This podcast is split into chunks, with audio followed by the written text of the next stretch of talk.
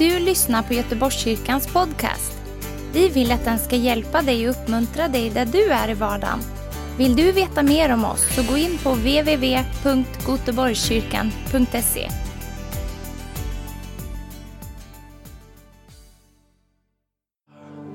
Åh, vi bara tackar dig Jesus. Tack Jesus. Jesus är här. Halleluja. Jesus är här. Halleluja. Han vill att vi ska lära oss att ge utrymme för den heliga Ande. I våra gudstjänster, i våra liv. Han sa det för några veckor sedan till mig. Han sa Daniel, du måste lära dig att ge utrymme för min ande. Jag bara, vad menar du Jesus? Och det är för lite utrymme för mig, sa han i dina gudstjänster. Det är för lite utrymme för mig. Du måste ge mer utrymme. Halleluja, så det är faktiskt det jag ska tala om ikväll. Hur kan du och jag ge utrymme för den heliga Ande? Halleluja. Vill du se att den heliga Ande får mer plats i ditt liv, i din familj, i din församling, genom dig? Halleluja, halleluja. Jag stör inte om ni fortsätter att be. Alltså, ni får gärna fortsätta att be tyst där i, i, medan jag, vi går in i predikan. Tack till lovsångarna. Be tills det är klart, ni förebedjare. Vi kommer att be mer här i slutet. Halleluja. Tack Jesus. Halleluja. Åh, jag bara prisar dig Jesus. Halleluja, halleluja. Den här konferensen heter Ett kliv framåt. Och jag sa fel hela tiden i början. För när jag, så, när jag pratar med, med andra så sa jag alltid, ja, vi ska upp en konferens som heter Ett stort kliv framåt. Och sen pratade jag med Christian vid något tillfälle och sa, ja, ett stort kliv framåt.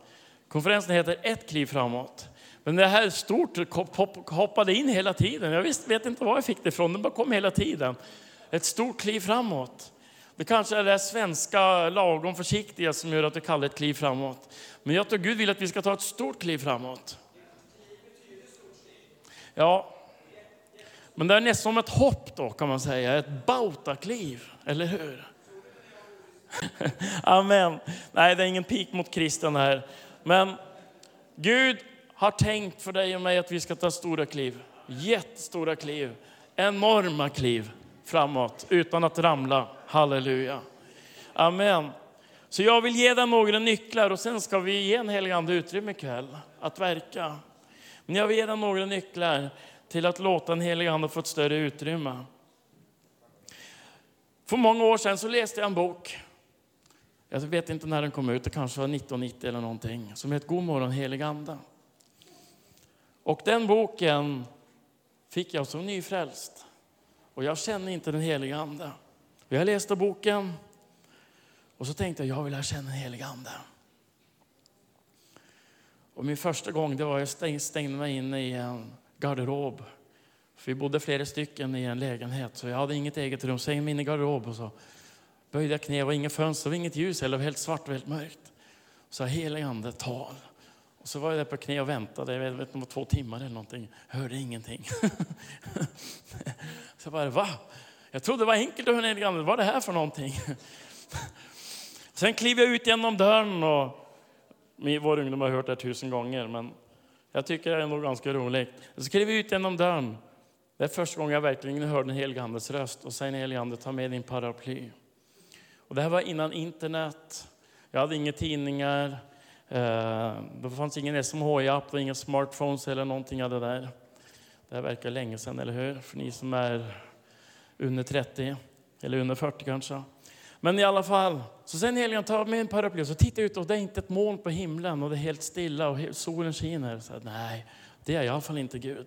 Så jag låser dörren och går bort till min cykel och så säger han Daniel, jag ska ta med din paraply. Och så bara, nej det kan inte vara en helig ande, han pratar inte om paraply. Han bryr sig inte om sånt. Jag låser upp min cykel och sätter mig på den och så tredje gången så blir helig ande vred nästan.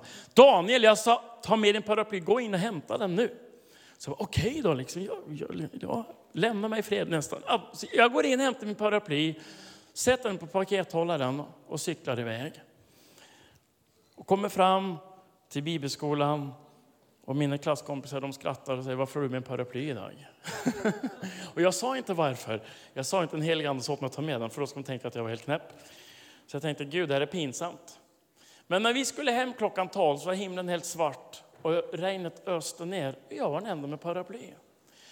Och det, var, det var min första så här lektion i att lyssna in den heliga Ande. Det var ingen andlig uppenbarelse, det var bara att Daniel, tar med din paraply. Men grejen är så här, så jag tänkte säga, jag undrar på om det här funkar på andra områden. Liksom, kan man applicera det här på flera områden? Så en dag så tänkte jag så här, jag ska be Gud leda mig till en människodag som är redo att ta emot Jesus. Jag undrar på om de finns i Uppsala. Jag tvivlade, för jag hade knackat dörr och andra grejer, så jag var väldigt tveksam om det fanns någon i Uppsala. Men så jag, jag, jag sa, heliga Ande, led mig idag till en som vill ta emot dig. För jag, jag utgick från att han ville tala. Jag vill ge utrymme för honom. Jag sätter mig på min cykel så cyklar jag mellan Grenby och Årsta. Jag bara cyklar, ni som har bott i Uppsala ni vet vad jag pratar om. Så jag bara cyklar runt omkring där. Och så cyklar jag förbi människor och säger, det här låter lite fånigt. Jag gör inte så här nu. Liksom. Men jag tränade upp mig, jag var ganska ny. Och så jag, Gud, är det den, är det den? Nej, nej, nej, nej. Så cyklar jag förbi en gammal tant, en svensk pensionär på en bänk och säger, Eliane, stannade hon. Jag tänkte, wow, tänk om det här verkligen funkar. Så jag går bort till henne och parkerar min cykel och ska, jag går bara pang på sak. Hej, jag heter Daniel. Och jag cyklade förbi dig. Jag upplevde att Gud sa att jag skulle stanna och prata med dig. Jaha, säger hon. Intressant. Varför då? Så jag, jag sa, nej men jag, jag, jag bad faktiskt i morse att Gud skulle leda mig till en människa som var öppen för att ta emot honom. Känner du Jesus? Nej, det gör jag inte. Vet du någonting om Jesus? Nej, det är inte mycket. Man har hört någonting för länge sedan. För jag delar evangelium om Jesus med dig. Ja, jättegärna, säger hon. Och jag tänker, va? Uppsala? En svensk tant? Det här, det, det, det, det här finns inte. Och jag sitter på den här bänken och predikar Jesus för den här tanten. Och när jag är klar så säger förstår du vad jag har sagt? Ja, säger hon. Vill du ta emot Jesus? Ja, gärna, säger hon. Så tar jag hennes händer och så ber jag med henne till frälsning. Så tänkte jag, oj, är det här möjligt i Uppsala? Med en svensk och en pensionär. De är ju svårast av alla tycker jag. Gud har det man kallar på engelska för divine appointments. Jag vet inte vad det heter på svenska. Gudomliga tillfällen som man vill att du och jag ska få tag i. Och som vi kommer att få tag i om vi lär oss att ge utrymme för den heliga Ande. Nummer ett, och det här har jag supersvårt för och det vet mina barn som är här idag, som känner sin pappa. Nummer ett, Gud vill lära oss att vänta på honom. Nummer ett, vänta på Herren. Psalm, Psalm 27, vers 14 står det så här. Hoppas på Herren, var stark och frimodig i ditt hjärta. Ja, vänta på Herren. Engelskan står det så här. Wait on the Lord, be of good courage. He shall strengthen your heart. Wait, I say, on the Lord. Att vänta betyder att dröja, stanna kvar. Och vi har så bråttom så vi har inte tid att dröja och stanna kvar. Att vänta betyder att förbliva och att hålla sig kvar på samma plats. Och jag bara, Gud, men jag har så svårt att vänta på dig. Och så visar Gud med Mose, du vet när Gud kallar Mose upp på berget. Det står att han väntade en hel vecka. Sju dagar står det att han väntade på Gud innan Gud ens började tala. Har du läst det där? Det, det, glömmer vi bort, en detalj vi glömmer upp. Vi tänkte, Mose kliver upp på berget och direkt så talar Gud till honom. Så att han fick vänta i 20 dagar på Gud. Och den sjunde dagen talade Gud till Mose. Och sen fick han dröja kvar 40 dagar till. 47 dagar att vänta på Gud. Vi har inte ens fyra minuter. Att vänta betyder att hålla sig i ett tillstånd av lugn och vila samtidigt som du är redo, tillgänglig och förväntansfull tills något inträffar. Något du förväntar dig eller något du inte förväntar dig.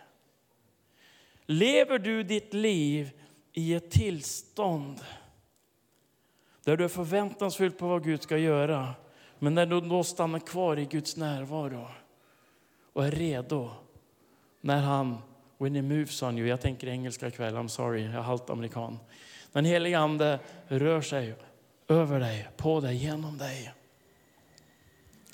Gud vill lära oss att vänta på honom. Vi har inte tid att dröja kvar, vi rusar iväg och vi missar Gud igen och igen och igen. Därför att vi inte stannar kvar. Du vet när jag är på bönemöte, så du vet, ja, ja, Christian vet vad jag pratar om. Man har olika människor som kommer på bön. Det är någon som inte vill vara där. Och jag har aldrig förstått varför de går på bön.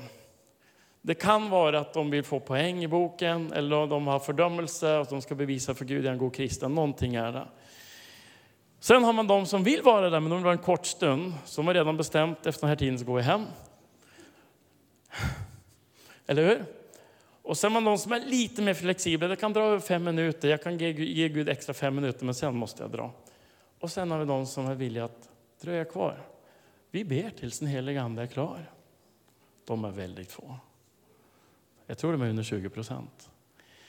Men det som händer är att de som dröjer kvar, jag märker hellre fem sådana personer än hundra personer som inte är i samma våglängd.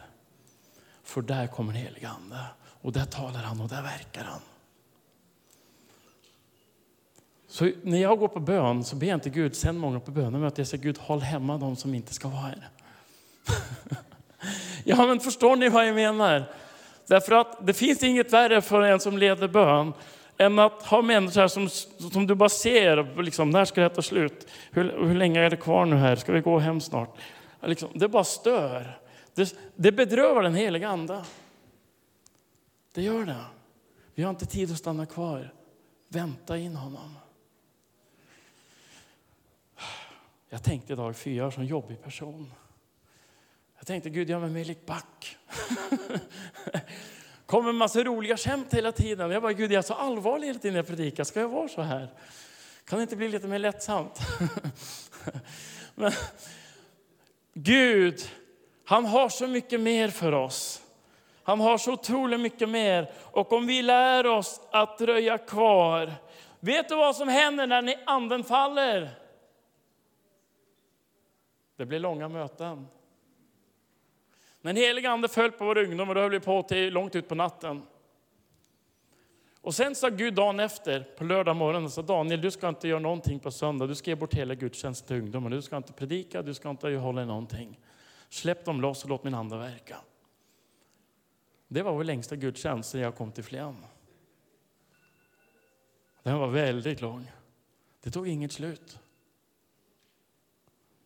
Nu ringer klockan redan. Min tid är över. Nummer två. Gud säger så här. Nummer två. Hur ger vi utrymme för den heliga Ande? Gud vill ge oss en större förväntan att möta honom.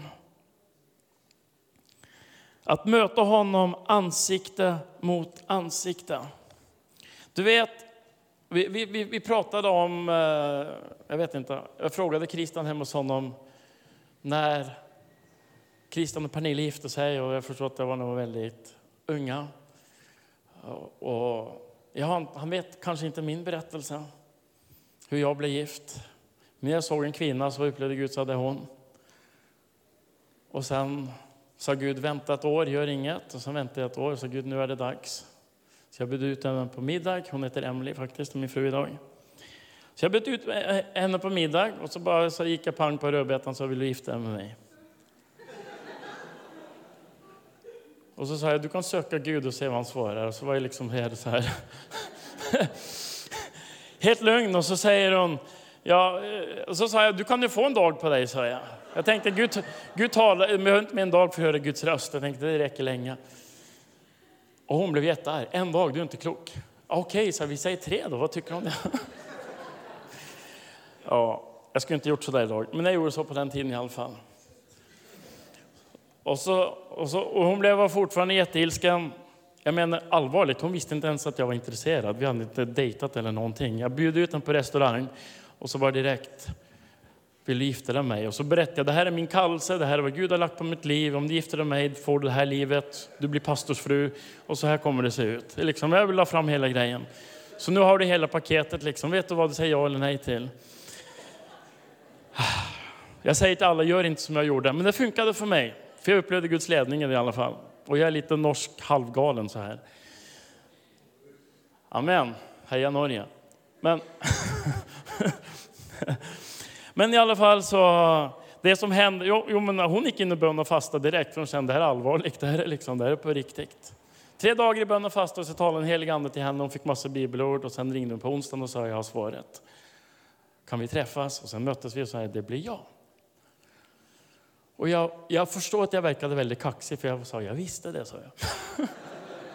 Då blev hon jätteupprörd och tänkte, vad är det här för en kaxig Gud, Jag bara tänkte, jag har hört Gud tala, han har lett mig. Jag har bett för min fru i flera år, det är förberett allting. Jag, liksom, jag hade en annan perspektiv på det här. Men, men, men jag, jag, förstår, jag förstår i efterhand varför hon, hon uppfattade det så här. Men du vet, när jag satt där, ja det här var ganska häftigt. Jag vet inte varför jag säger det, men det tycker jag är roligt att berätta det här. För jag sa Gud, när är det dags? Jag mötte henne i januari. Ja, det var inte ett helt år, det var ett halvår faktiskt innan jag friades, från när jag såg henne första gången. Såg henne första gången, Gud sa, där är din fru. Vänta ett halvår, helige ande sa, du ska vänta tills bibelskolan är slut. Om du gör, if you make a move before that time you will lose her, sa han till mig. Han talade till mig på engelska.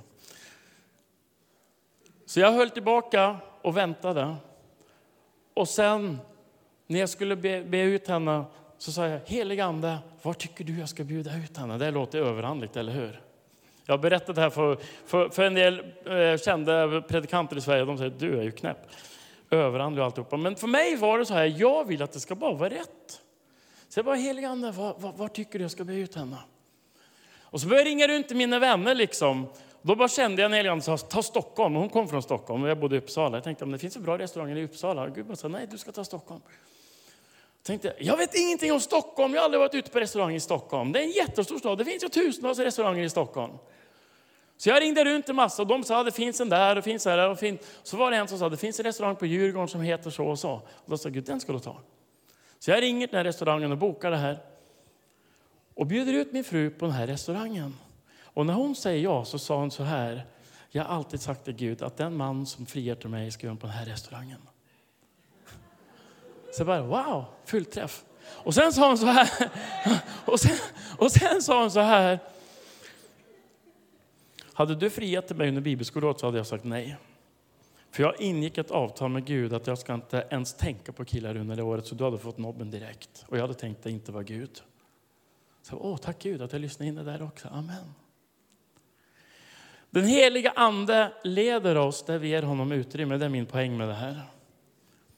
Det är min poäng. Och du, du och jag vi bestämmer hur mycket vill vi ha hans ledning. Hur mycket vill vi släppa in honom? Varför var jag så noga med det här? Därför att jag såg så många av mina vänner som gifte sig och deras äktenskap sprack och det blev skilsmässa efter ett år, två år, tre år och det blev fel. Därför att de bara gick på vad de själv ville eller kände. Och jag sa Gud, jag behöver din ledning i den här frågan. Så det blir rätt från början. Nu har vi varit gifta 23 år och vi kan fortfarande titta varandra i ögonen och säga vi vet, Gud för oss tillsammans. Och vi vet att det kommer att hålla hela livet. Vi behöver ge utrymme för Andens ledning. Amen. Det var min poäng. Jag hade inte tänkt att berätta det här, men nu fick ni den. Nummer tre. Om den heliga Ande ska få verka behöver vi vara flexibla. Halleluja! Flexibel, du förstår det ordet, eller hur? Ordet flexibel betyder att vara benägen att böja sig. Att vara villig att ge upp, att ge efter, att lämna företräde för. På engelskan så säger man to yield. Du låter någon annan gå före. To give way. Det är det man gör när man åker bil i Indien. Du släpper galningarna före, annars krockar de med din bil. Eller i Kairo, eller de här platserna. Ordet flexibel betyder att vara anpassningsbar, mjuk och formbar. Om du ska ta ett kliv framåt och bli använd av Gud så måste du låta Gud göra dig flexibel. Och jag märker att så många kristna De stänger Gud ut från många världar och säger Gud, du får verka här och här men inte här. Du får leda mig där och där men inte där. Jag tror nästan alla är sådana. Så jag var ny i det här med helig heliga anda. Och så sa jag så här, helig ande, jag sökte andens gåvor. Sen blev jag döpt i en helig ande, jag var ute och sprang med tidningar, det var enda jobbet jag fick på den tiden. Jag var på Arbetsförmedlingen i Uppsala och de sa åk hem till Norge, det finns inget jobb här, stick härifrån sa de. Vi tänker inte hjälpa dig. Jag tänkte vilka rasister de här. Gillar de inte norrmän här i Uppsala? Men de sa det faktiskt. De stoppade mig i dörren och sa, det finns inget jobb i Uppsala, vad gör du här? Åk hem till Norge, sa de. Men jag fick ett jobb och det var att springa med tidningar. Liksom. Det var det enda jobbet som fanns. Jag sökte ett städjobb och de sa att det var 100 sökare. Det är det inte nu, men det var det då. Det var efter fastighetskraschen, det var liksom början 90-talet, det var ju kris i Sverige. Så då tänker jag så här, men det är ju bra att jag springer med tidningar, då kan jag ju be i flera timmar medan jag springer upp och ner de här trapporna i Uppsala. Så Gud sa, använd tiden till att be. Och så sprang upp ner trappan och sa, helig ande, döp mig i ande och eld. Och så bara en dag jag bara springer, och bara boom, så kommer tungotalet över mig. Så börjar jag springa och tala i tungor upp och ner de här trapporna. Ja, men du kan ju tänka dig. Och jag jobbar sju dagar i veckan, det är 14 timmars tungotal i veckan, det är ganska bra. Då händer det grejer. Ja men allvar alltså, det händer saker. Det revolutionerade mitt liv. Och sen fick jag jobb på en ICA-butik, typ ICA-butik. En stund senare här. Och så sitter jag i personalrummet. Och så sitter det en kollega till mig som har eksem på sina händer, ganska såriga. Sen heliga ande, fråga om du kan be för henne, ska jag bota henne nu. Ska hela henne. Och så kommer Guds närvaro i rummet. Så tänker jag, men det kan jag inte göra. Personalrum, anställda sitter där. Alla sitter och äter lunch. Och sen ska jag säga till henne, jag ska be för henne. Gud, det passar inte. Helig ande, inte nu, snälla. Och den gången så sa jag faktiskt nej, jag var helt ny i det här. Jag sa Gud, efteråt, utanför jobbet, eh, i korridoren, inte inför allihopa. Och än idag så tänker jag, Gud förlåt mig. Ja, men han har förlåtit mig. Men ni förstår vad jag menar. Ett tillfälle där Gud ville visa sin härlighet inför allihopa. Jag sa nej, helige Ande, det passar inte här. Inte på jobbet. Det är kristen som har kommit upp till mig och sagt så här, jag kan vittna var som helst, men inte på min arbetsplats. Och då delade jag med Christian. Och vi är inte kallade för att predika på vårt jobb, jag vet det, jag är inte dum. Jag har haft många sekulära jobb. Så jag vet varför man går till jobbet. Men man kan söka tillfällen. Och jag berättade för Christian när min fru jobbade på Akademiska sjukhuset i Uppsala. Och så började hon be. Och det funkar varenda gång. Gud, ge mig tillfällen. Gud, ge mig en öppen dörr. Gud, led människor till mig som frågar mig, för då får du faktiskt svara. Och så kommer du till jobbet en morgon. Alltså nu pratar vi om att ge en helig ande utrymme i våra liv, är ni med? Ni är med, eller hur? Vi ber Gud ge tillfällen, ge öppna dörrar, ge, vi ger utrymme till honom i vår vardag, eller hur? Och så kommer du till jobbet en dag. Och så går en chef till henne och säger, Emily kom in på mitt kontor nu, jag vill prata med dig. Hon tänker, hjälp hon är arg, har jag gjort fel? Har jag gjort något dumt? Och så säger hon, stäng dörren, och då blir jag ännu mer nervös. Stäng dörren, sätt dig här liksom. Och sen bara, Emily, du är en kristen, det märks. Berätta om Jesus. Varför tror du på honom? Varför är du en kristen? Det är ganska ovanligt att få den frågan från en svensk chef på en arbetsplats. Eller hur? Och hon kunde dela Jesus med den här kvinnan. En av hennes en av anställda på hennes jobb blev frälst och började gå i församlingen. Gud, han vill ha utrymme att verka i vår vardag. I våra familjer. Vi behöver en utrymme i familjen, ge honom utrymme i arbetslivet, ge honom utrymme i vår församling, i våra gudstjänster, våra cellgrupper, våra hemgrupper. Den heliga Ande ropar, ge mig utrymme att få verka. Bland er, i er, genom er. Tack Jesus, ingen har somnat än. Halleluja. Jag sa faktiskt till Gud idag, det är okej om folk somnar ikväll. För det har varit en lång vecka. Och jag är bara så imponerad att folk är här ikväll. Tack att du kom.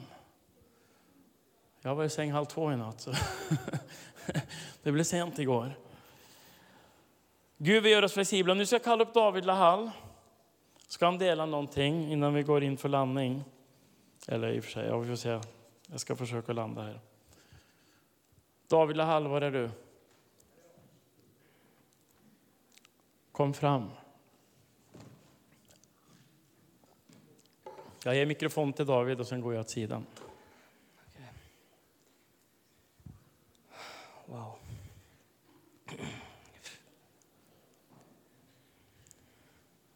Jag ska inte ta hela kvällen, jag lovar.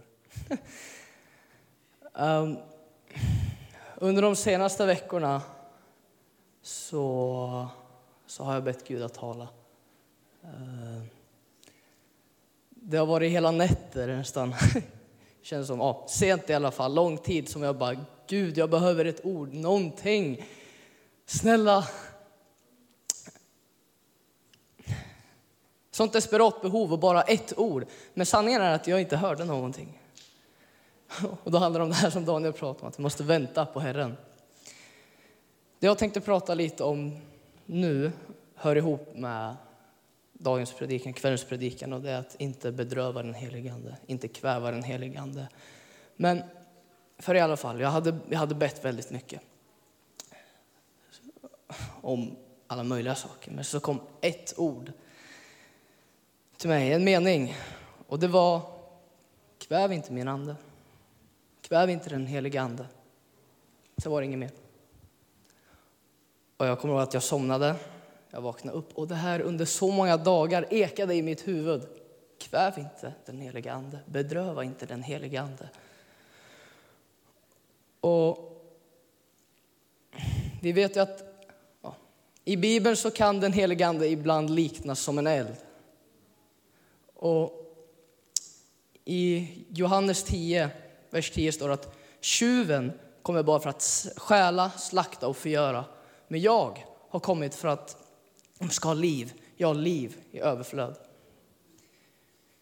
Jag vet ju många tillfällen kanske inte eld räknas som någonting positivt, men Guds eld, alltså eld. Vi försöker tänka nu som någonting positivt. Målet är att Guds eld ska spridas i vårt land. Det är målet. För jag minns hur jag var på en eh, ledarhelg. Så fick jag förbön av P.O. Svensson. Och när han bad så såg jag hur Gud hade tänt en eld med stora facklor och hade gett till varsin ledare i Sverige, i vår församling. Och att de här ledarna har fått uppgiften till att sprida den här elden så att den kan gå från söder till norr, väst till öst, hela landet. Och jag fick även det här när vi var i Åmål senast, till Lennart Fjäll.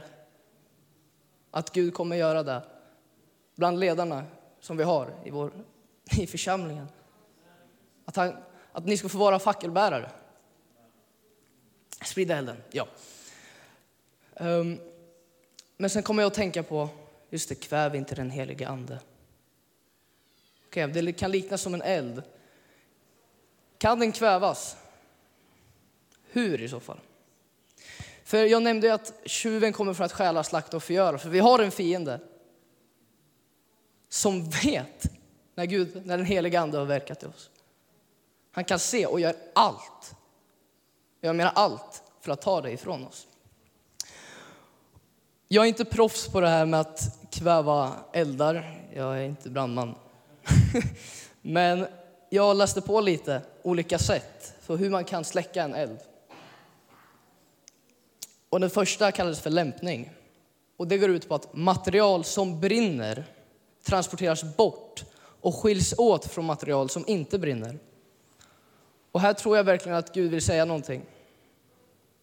Att han vill att vi ska nå ut till de folk som inte brinner. Då Satan försöker komma med rädsla, människofruktan och allt annat. Men det speglar inte vad den helige Ande vill ge. Förstår Bibeln att Petrus blev fylld med frimodighet genom den helige Ande. Och jag vet själv personligen hur det här beroendet av den helige Ande, hur han har fått använda den vid outreach till exempel. När man går ut till det som inte brinner, man ska säga. Då inser man sitt beroende av, jag kan inte göra det här själv, jag behöver den helige Ande. Så vi behöver gå ut för att inte elden ska slockna. Den andra var kvävning. Och det innebär ja, att kväva elden, att ta bort något. Ta bort syre. Det som får elden att leva, agera och sprida sig. Syret i denna fråga är ordet.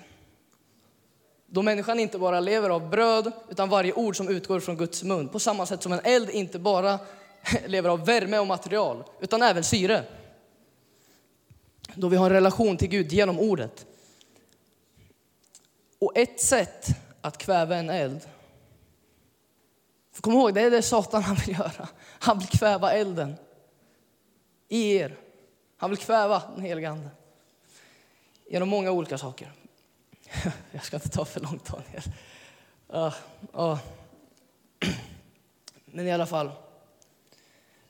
Vi lägger på filtar för att kväva eldar, men även sand. Vi lägger på någonting annat för att kväva det i syfte till att driva ut all syre. Och på så sätt kan vi också ibland fylla våra liv, våra hjärtan med annat i världen som i själva verket bara släcker den lågan som finns på samma sätt som sanden. Efesierbrevet kapitel 4, vers 30 står det Bedröva inte den helige Ande som ni har fått som ett sigill för befrielsens dag. Lägg bort all bitterhet, häftighet och vrede, allt skrikande, förolämpningar och all annan ondska. Var istället goda och barmhärtiga mot varandra och förlåt varandra. Så som Gud i Kristus har förlåtit er. Alltså, vi behöver leva i Guds vilja.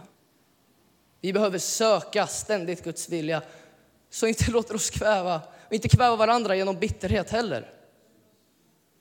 För det är lätt hänt. Det är väldigt lätt hänt. Sen den sista grejen som jag vill ta upp är lydnad.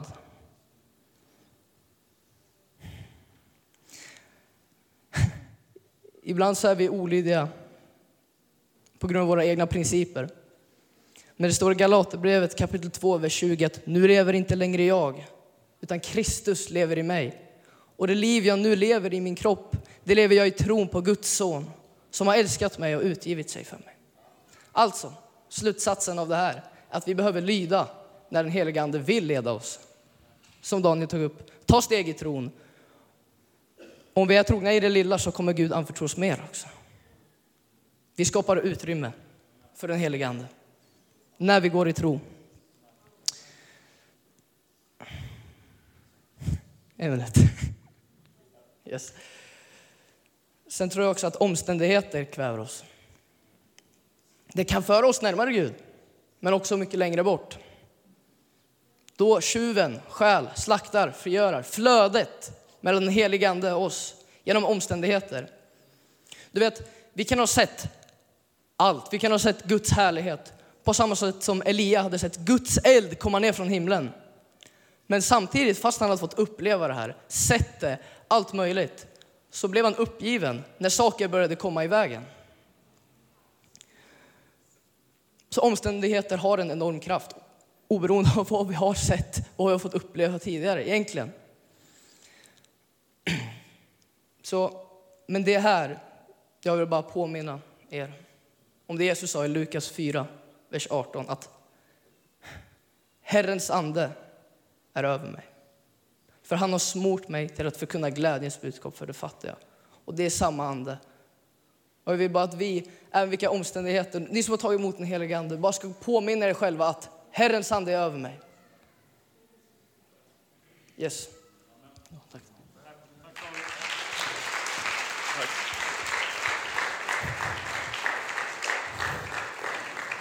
Varför tog jag upp David? Därför att nästa punkt var om att släcka anden. Så nu har han tagit en del av min predikan, så behöver inte jag ta samma sak för er.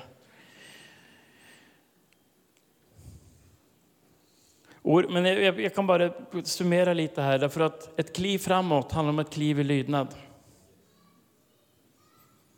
Och det handlar om ett kliv i tro, ett kliv i förtröstan. Ett kliv i beroende av Jesus, ett kliv i beroende av, av den heliga Ande. Att ge utrymme för Jesus i våra liv handlar om att ta trosteg också.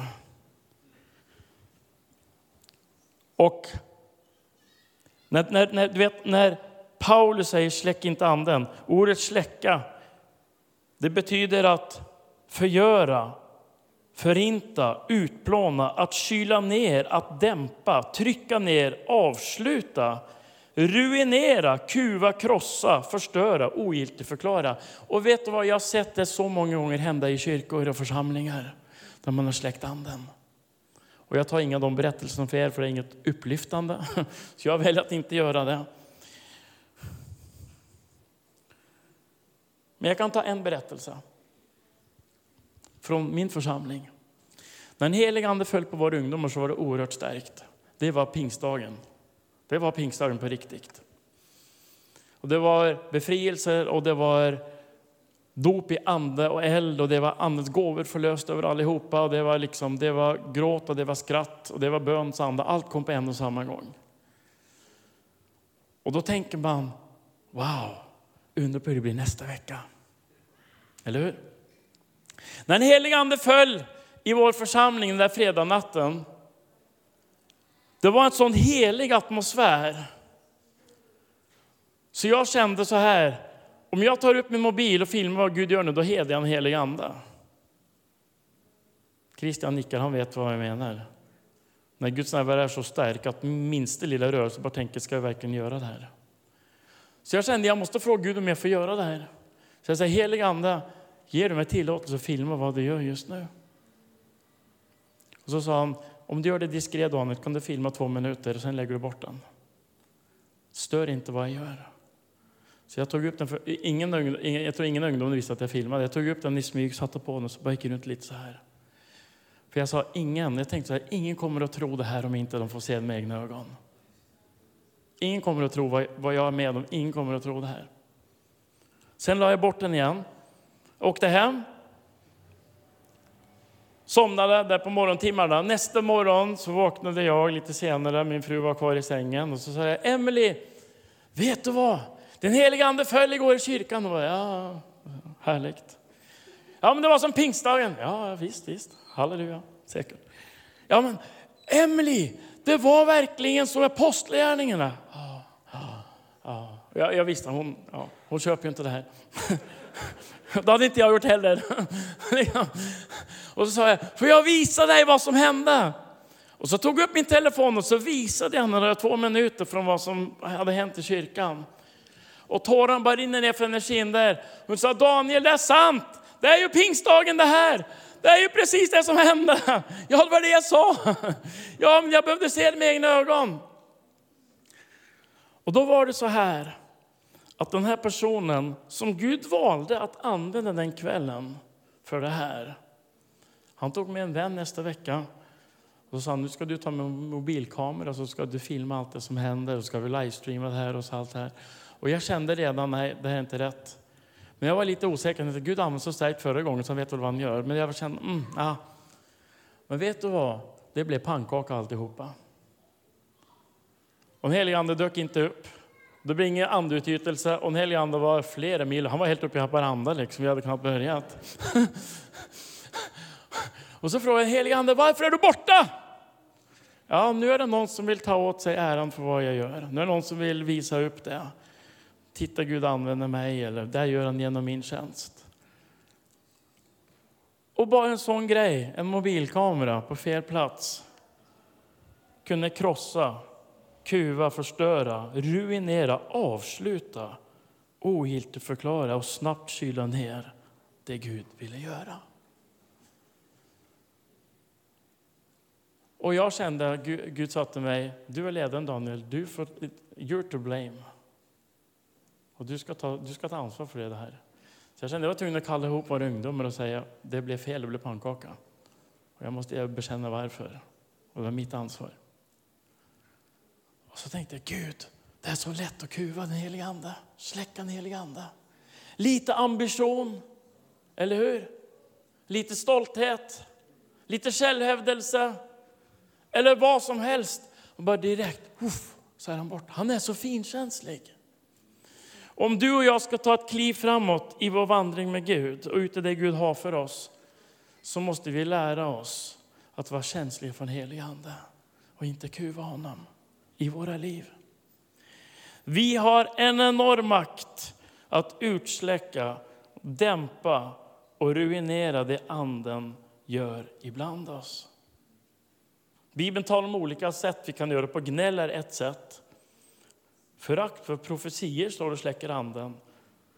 Köttets gärningar, det är massa saker. Jag tar inte det med nu för det är ingen lektion om det här. Hebreerbrevet 12, 16. Det kommer bli jättebra på slutet, jag lovar. Vi närmar oss. Se till att ingen av er är otuktig eller oandlig som Esau. I utbyte mot ett enda mål mat lämnade han ifrån sig sin förstfödslorätt. Här har vi en människa och Gud har så mycket för den här personen. Gud har ett arv, en arvslott, något fantastiskt som tillhör honom. En inheritance, ett stort arv. Och sen står det att Esau han var oandlig. Han var mer sugen på mat än för det som Gud hade för honom. Så han bytte bort allt det Gud hade för honom med lite linssoppa. Det var inte ens en oxfilé med bearnaisesås och klyftpotatis. Eller det som jag gillar mest, lammracks med pepparsås, klyftpotatis och rostade grönsaker. Jag menar, då känner jag, då börjar det bli en frestelse i alla fall att byta bort någonting. Men linssoppa? Hallå? Vem byter bort ett arm mot linssoppa? Kanske ett mål på max, jag vet inte. Men i alla fall. Men då står det en varning. Hallå! Akta er så inte ni gör samma fel som honom. Var försiktiga så inte ni är oandliga som Esau. Engelska översättningen säger profane, profane. Och ordet profane betyder så här. En som inte lever avskilt för Gud utan bara lever för världsliga saker utan evigheten för ögat. Det är en oandlig människa. Då kan du förlora allt det som Gud har för dig. Och du byter bort det mot småsaker som är värt ingenting. Så om vi ska ta ett kliv framåt så behöver vi förbereda våra hjärtan. Eller hur? Du vet, vi fick ett profetiskt ord från Birger Skoglund, en del vet vem han är. Och han var i Flen och profeterade stora saker över Flen. Och helt fantastiska saker. Det blir nästan för mycket ibland. Tycker man det här. Ibland undrar man, vet du, hittar de på här? Så här mycket gott kan inte Gud göra. Det blir bara... Ja, ni vet vad jag menar, eller hur? Jag säger, Gud, om hälften eller 10 procent är sant, då är det jättebra. Liksom. Men han behöver inte säga allt det där också. Det blir svårt att tro det till slut, eller hur? Och så berättar han allt det Gud vill göra. Men så avslutar han med det här. Och så säger den helige Ande, lyssna nu på vad han säger. Så säger han, frågan är inte vad jag vill göra, säger Herren. Utan frågan är om ni är beredda för det jag vill göra. Frågan är om ni är beredda att ta emot det jag vill ge er. Frågan är om ni är beredda. Och när han sa det så var det som en kniv i hjärtat. Och jag bara, Gud, det är vi inte. Min kyrka är inte redo, jag är inte redo, vi är inte beredda för fem öre. Vi vet inte ens vad det innebär att vara beredd. Så då, gick min, då ändrades min bön. Då var det inte Guds väckelse i Flen, utan då var det Gud, förbered mitt hjärta. liksom hela mitt böneliv förändrades. Gud har redan bestämt det här, han vill, han har sagt det, han är redo. Men vi är inte redo. Så då börjar istället för att vi tror att vi väntar på Gud. Men hallå. Ja, men visst är det pinsamt. Som om vi vill det mer än Gud. Vi vill Göteborgs frälsning mer än vad Gud vill, eller hur? Så vi måste övertyga Gud. Gud, fräls Göteborg. Gud, gör någonting här i Göteborg. Han säger, är ni redo? Är ni förberedda? Är ni öppna? Har ni gett utrymme för min ande att verka? Är ni tillgängliga? Är ni villiga? Är ni känsliga för min röst? Halleluja! Jag hoppas det blir bra här till slut. Jag känner att jag går på hal is. Amen. Eh, vi tar en jobbig vers till här och sen ska vi ska avsluta i seger och förbön och massa Vi tar en jobbig vers till. Du vet, när, när Gud kallade mig som 19-åring sa jag Gud, jag vill aldrig bli predikant, jag vill aldrig bli pastor, jag vill aldrig predika. Vad som helst men inte det. Och så sa Gud, du ska göra allt det där. Och så, men då vill jag bli en sån här rolig snubbe som bara kommer med glada budskap. Och, och så sa jag, ja men jag, i skolan så var jag med skojaren i klassen, både på högstadiet och gymnasiet. Jag var alltid en som skojade och skämtade och skulle liksom få alla att skratta i klassen. Och så frågar jag Gud, jag ligger i min säng, ja det här, ska, det här hösten 93, nyfrälst, mött Jesus. Och så får jag en öppen vision medan jag ligger i min säng. Och så ser jag en stor armé som reser sig. Och de var klädda i vitt. Och det glänste som guld. Och Guds härlighet vilade över dem. Och det, var liksom, alltså det, var, det går inte ens att beskriva vad jag såg. Och så säger Jesus till mig, Daniel, jag reser upp min armé på jorden. Och så säger han, vill du vara med? Och, så säger, och tårarna bara rinner ner för mina kinder, för Jesus han står i mitt rum och ställer frågan personligt till mig. Och jag bara gråter som en liten jag bara gråter och gråter och gråter. bara, ja Jesus! Och så säger han så här, Daniel, var vill du vara i armén? Så tänkte jag, det bestämmer inte jag, det bestämmer Gud. Jag var nyfrälst, men jag kunde min bibel i alla fall, för jag hade läst den när jag hade växt upp. Han är den som kallar och utväljer alltihopa. Jag har inget med det att göra. Alltså, han kanske var med längst bak, eller han får sätta mig var han vill. Så jag bara, Gud sätt mig var du vill. Men man sa, men vad vill du vara Daniel? Och så kommer du med en ande, fast jag bara känner, det här vill jag inte. Så sa jag, sätt mig längst fram. Och det var det sista jag ville. Och då säger den helige ande, där är striden är som starkast. That's where the battle is the hardest. Och jag bara känner, jag vill inte vara där. Jag vill inte vara vid frontlinjerna. Och så sa Gud, men jag kallar det till frontlinjen. Så min ande säger ja, och min, min, min själ och mitt sinne säger nej! Jag vill inte ut i strid och jag vill inte vara längst fram i någon armé. Jag vill ligga i soffan och slappa. Liksom. Jag bara känner Guds närvaro i mitt sovrum. Det räcker för mig. Eller hur? Men Jesus sa, jag behöver dig där framme. Gud reser upp någonting i vårt land och han frågar, vill du vara med i det jag gör? Kan du förbereda dig? Kan du avskilja dig för Guds syften? En profan människa lever sitt liv bara för världsliga saker och har inte evigheten för ögat. Många kristna lever ett sånt liv. Väldigt många. Man lever inte för evigheten. Om du ska ta ett kliv framåt, du måste besluta dig vad det du lever för egentligen. Och jag har tagit det beslutet, jag lever för evigheten.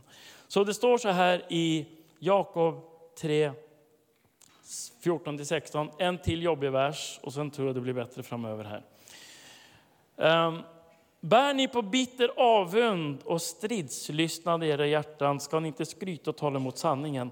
En sådan vishet kommer inte ovanifrån utan är jordisk, oandlig, ja, demonisk. Ty där avund och stridslystnad råder, där råder oordning och allt som är ont. Och jag läste en vers som Gud sa att du ska ta med det här. Jag bara, nej, men det är väl ingen som har problem med det här. Vi är ju helgon allihop. Det här finns ju inte i våra liv. Varför ska jag ta det här? Och så Gud, du eh, ska, Gud till mig, gå till botten. Ser du vad det står där? Nej, jag kanske inte gör det. Så jag börjar gräva lite. Vad betyder orden? Vad säger Gud i det här ordet? Engelskan står det så här. Where there is envy and self-seeking, confusion and every evil thing is there.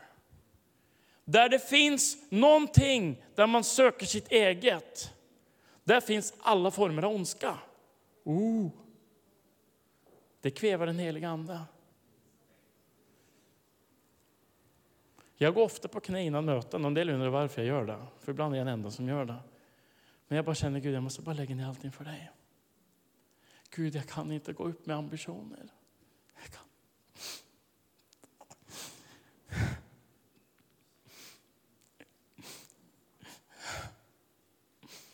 Kan inte stå där uppe full av Daniel. Jesus, du behöver fylla mig, ta över i mitt liv. Jag känner att jag måste helga mig, avskilja mig. Jesus, vad är ditt syfte i det här mötet? Vad vill du säga, vad vill du göra? Det handlar ju bara om dig. Så Jakobs brev säger, där det finns självsökande, där man söker sitt eget. Där råder allt som är ont. Gode Gud, Jag känner Jesus förbarmad över mig. Nu blev det jobbigt och rannsakande här, men jag hoppas ni står ut med mig.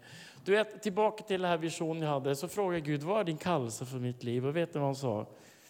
Så jag vet inte om jag kommer tillbaka till Göteborg, för nu, nu blir jag jobbig här. Men,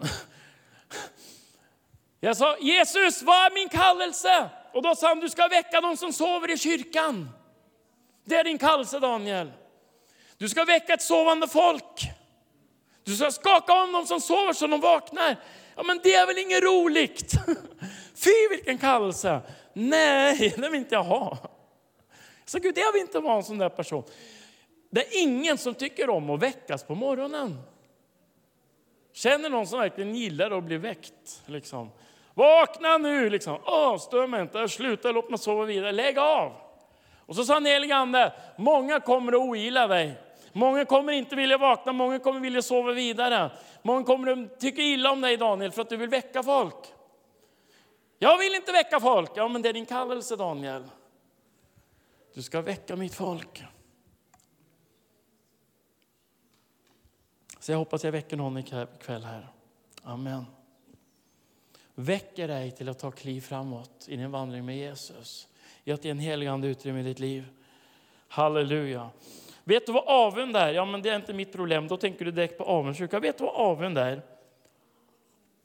Där avund, och, och, och, där, där avund råder, står det här, det råder allt som ont. Avund betyder att vara missnöjd med sitt eget tillstånd i jämförelse med andra. Har du varit där? Och Det betyder att känna konkurrens eller rivalitet. Gud säger det här måste bort från församlingen om min ande ska verka.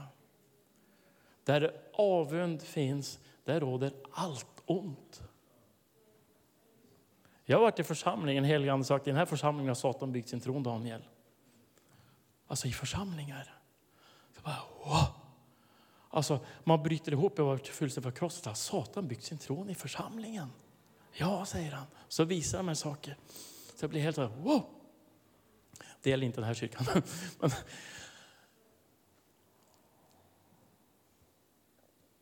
Gud gav mig ett jobbigt ord. Ett, du vet, han ger mig så många jobbiga ord. Jag säger inte att jag är profet, andra säger det om mig. Men när vi kommer in i nio år så säger helige Ande, vad är ditt ord för det här året? Och ibland säger han, det här är mitt ord för de tio kommande åren. Så ibland säger det här är ord för kommande året eller kommande två, tre åren. Och så gav Gud mig ett ord inför 2020. Och så sa han, Daniel, det här är ordet som du ska predika i kyrkan. Jag, jag bara, nej, det här var inget bra. Och jag satt där i soffan och sa, Gud, jag vill inte leverera, ge mig något annat. För jag har jättemånga positiva ord, och så jag lovar, jag har massor uppbyggliga predikningar. Men det här ordet var så här, Guds domar ska gå över jorden. Guds domar. Och så sa den helige Ande, ja, och domen börjar med Guds hus, han. Så jag bara, det här är inget positivt. Så jag, Gud, kan du ge det här en positiv ris? jag har något trevligt att säga till min församling på söndag?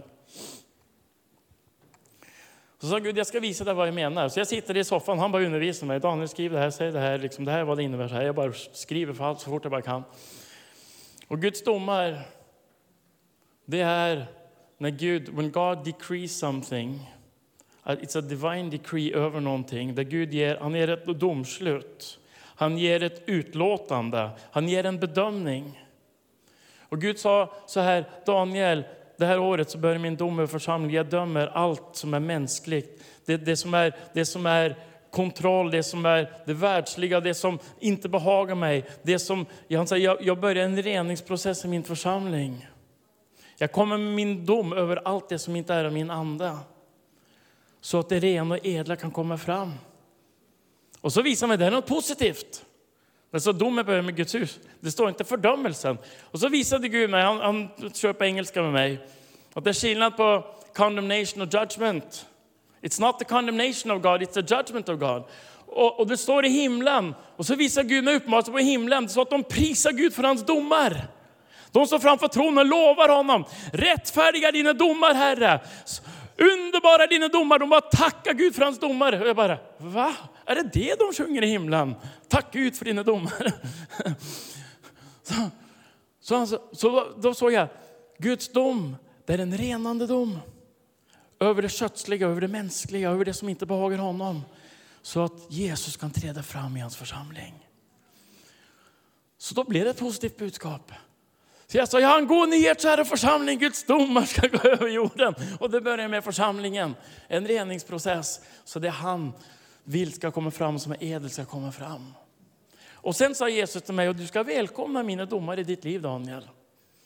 Om du vill ta ett stort kliv framåt. Johannes 15.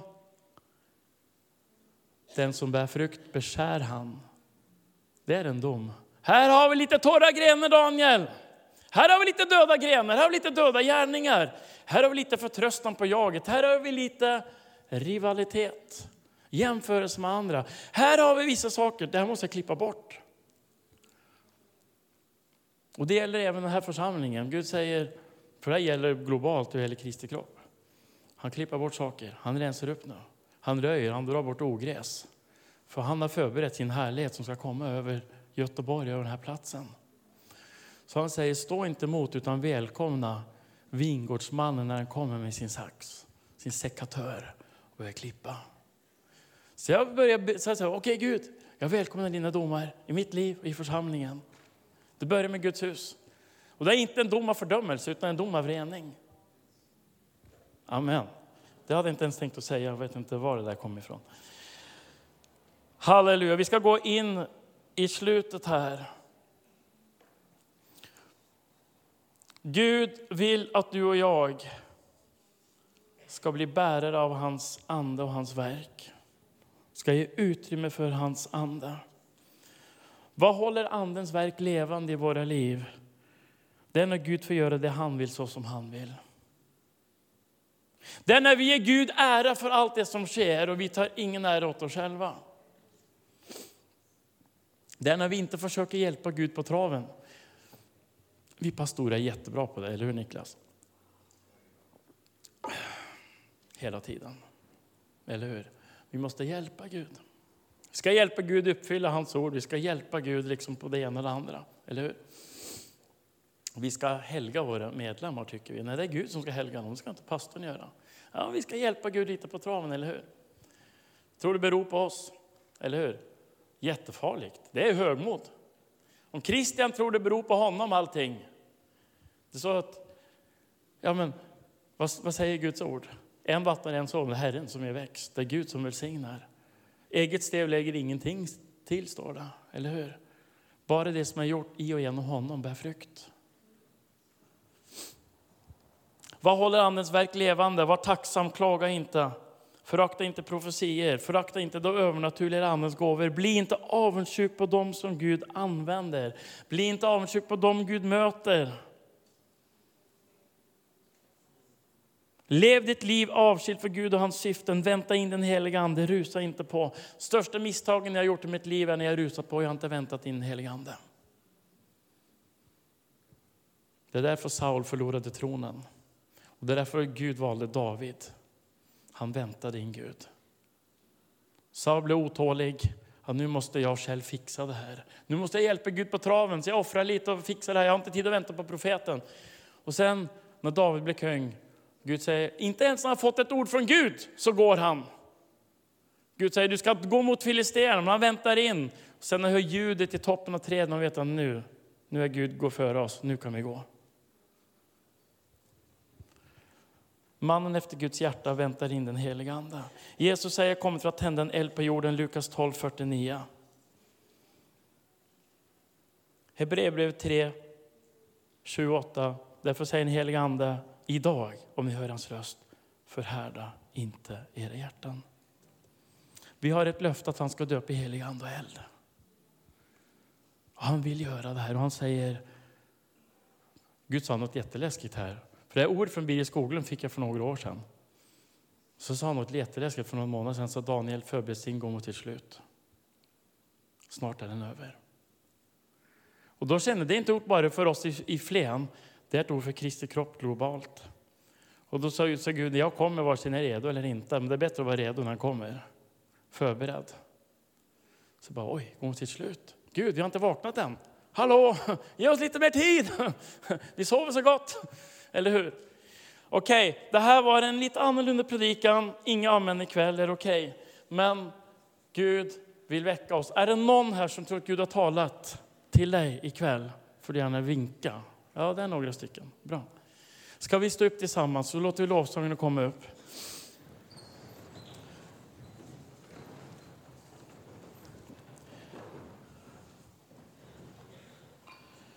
Halleluja. Halleluja. Befria mitt folk. Gud säger till Mose, befria mitt folk så de kan tjäna mig. Befria mitt folk så de kan tjäna mig. Jesus, han vill befria sitt folk så vi kan tjäna honom i Andens nya liv, i Andens frihet, under Andens ledning, i Andens kraft. Beroende av honom, små i våra egna ögon, men i honom så är vi som jättar. Jesus, vi bara tackar dig. Tackar dig Jesus för att du är här ikväll. Tackar dig Jesus att du talar till oss, du kallar, du utmanar, du drar. Du beskär i våra liv, du uppmuntrar, du äggar oss, men du skakar om oss också där vi har somnat. Dina ögon, Jesus, de är som eldslågor. Och när vi tittar in i dina ögon så vill vi inte springa bort ifrån den förtärande eld som går rakt in i våra hjärtan. Utan vi vill välkomna elden som förtär i våra liv. Jag bara tackar dig Jesus för att du tar oss in i en tid av större förväntan, av större hunger. Att du tar oss in i en tid där vi lär oss att vänta på dig. Att du tar oss in i en tid där vi lär oss flexibilitet. Där vi är mjuka, formbara, anpassningsbara. Villiga att lämna företräde för din ande.